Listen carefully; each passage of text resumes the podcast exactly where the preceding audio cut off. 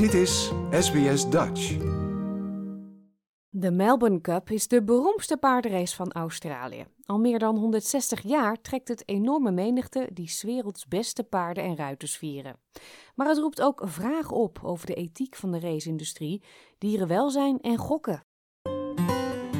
SBS Dutch, woensdag en zaterdag om 11 uur 's ochtends of online op elk gewenst tijdstip.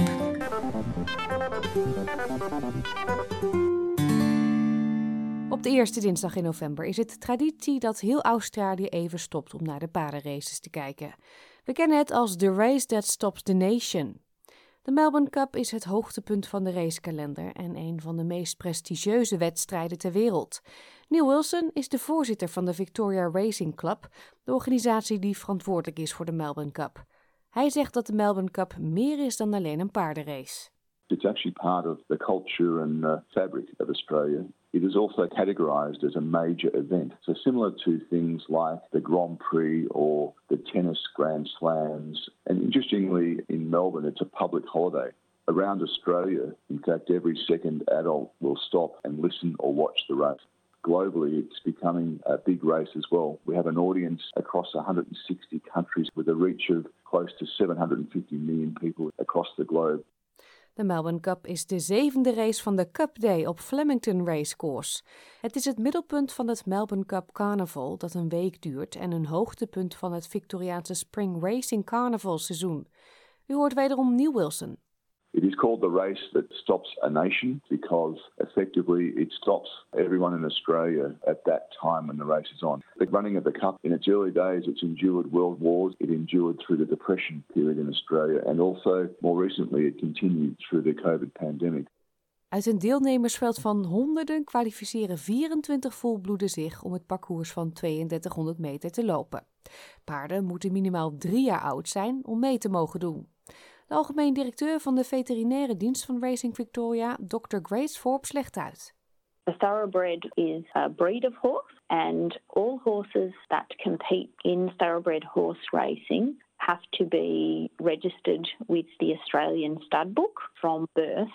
Not dissimilar perhaps to dogs that compete in dog shows. They're required to be registered with a stud book to validate their parentage. De Melbourne Cup is een handicap race. Paarden dragen extra gewicht afhankelijk van hun startgewicht, leeftijd, de jockey en op basis van eerdere prestaties. Zo heeft elk paard een gelijke kans om te winnen. Neil Wilson zegt dat op Cup Day zo'n 300.000 mensen naar het circuit komen.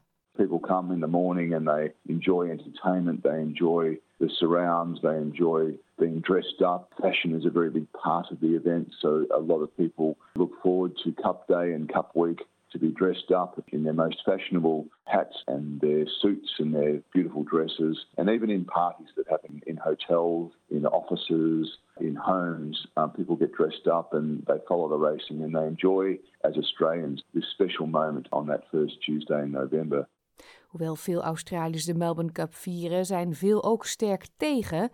Kristen Lee is directeur communicatie van de Coalition for the Protection of Racehorses, die al meer dan tien jaar een protestevenement organiseert, genaamd Nap to the Cup. Melbourne Cup is often seen as a day where we get together and celebrate, but what we're celebrating is wrong. Jarenlang werd er getwijfeld over de behandeling en exploitatie van dieren in de paardenrace-sport. De industrie kreeg kritiek op dierenwelzijn, fokprocessen en vrede trainingspraktijken. Ook zijn er ethische overwegingen met betrekking tot de invloed van de race- en zweeptechniek op de dieren en het frequent euthaniseren van gewonde paarden. U hoort wederom mevrouw Lee. The problem isn't the Melbourne Cup. The problem is horse racing in general. When you use animals for entertainment and gambling profits, there's always going to be pain and suffering because they're seen as money making machines. De Melbourne Cup is een van de rijkste races ter wereld. In 2022 is de prijs 8 miljoen dollar waard. De winnaar ontvangt 4 miljoen en een trofee ter waarde van 250.000 dollar. Het is ook het grootste eendaagse gokevenement van Australië. Gelegenheidsschokkers wedden mee en werkplekken houden vaak sweepstakes. Mevrouw Lee zegt dat hoewel de Melbourne Cup de Victoriaanse economie stimuleert, dit ten koste gaat van gokproblemen. In the past 10 years, thoroughbred wagering turnover has doubled. $29 billion is now gambled on thoroughbred racing alone each year. So, horse racing isn't only bad for the horses, it's bad for humans. De Coalition for the Protection of Racehorses documenteert ook al jaren de jaarlijkse sterftecijfers op de baan. For horses killed on Australian racetracks, on average every 2.5 days, thousands more are taken away from the track injured and killed behind the scenes, and they're the ones we never learn about. In the last 10 years, eight horses have been killed at Flemington on Melbourne Cup Day. This is from injuries that they sustain from being raced for big prize money. And because recovery is expensive and time consuming and really difficult for a horse, they will just euthanize them on the track. Toch verdedigt meneer Wilson de Cup door te zeggen dat er voor kwesties rond dierenwelzijn steeds meer aandacht komt. Thoroughbred racehorses love to run. They're increasingly looked after to a level that people may not really appreciate. They have vets on hand, they have dentistry work, chiropractic work. It's a very similar profile to looking after a human being, and, and, they're so well prepared. It is a wonderful sport with the horse in the centre, and we all understand that without the horse being uh, well looked after and enjoying what they love doing, then we don't have the sport. Dr. Grace Forbes voegt eraan toe dat haar team procedures heeft ingevoerd om het aantal blessures te verminderen.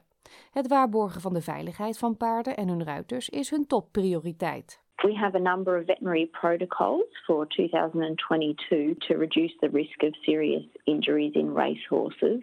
Both those competing in the Melbourne Cup and also the international horses that are travelling to Victoria to compete in the Spring Racing Carnival. Even though we do have the best safety record in thoroughbred horse racing globally, that doesn't stop us from trying to better that. Stressfacturen zijn de meest voorkomende verwondingen die ze bij paarden zien, net zoals bij menselijke atleten. Dr. Forbes zegt dat vroege detectie van belang is. One of the ways that we go about detecting injuries at an early stage is by making use of our advanced diagnostic imaging. So, Racing Victoria, with the state government, purchased the first standing CT scanner for horses.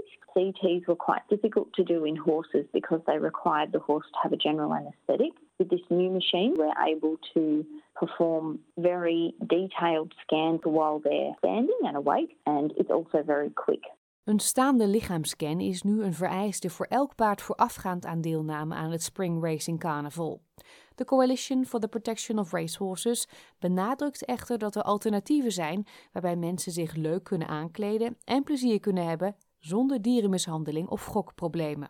We can still celebrate animals and coming together and having fundraisers and all sorts of things to their benefit. Hoe je er ook over denkt, de Melbourne Cup maakt deel uit van de Australische geschiedenis en cultuur.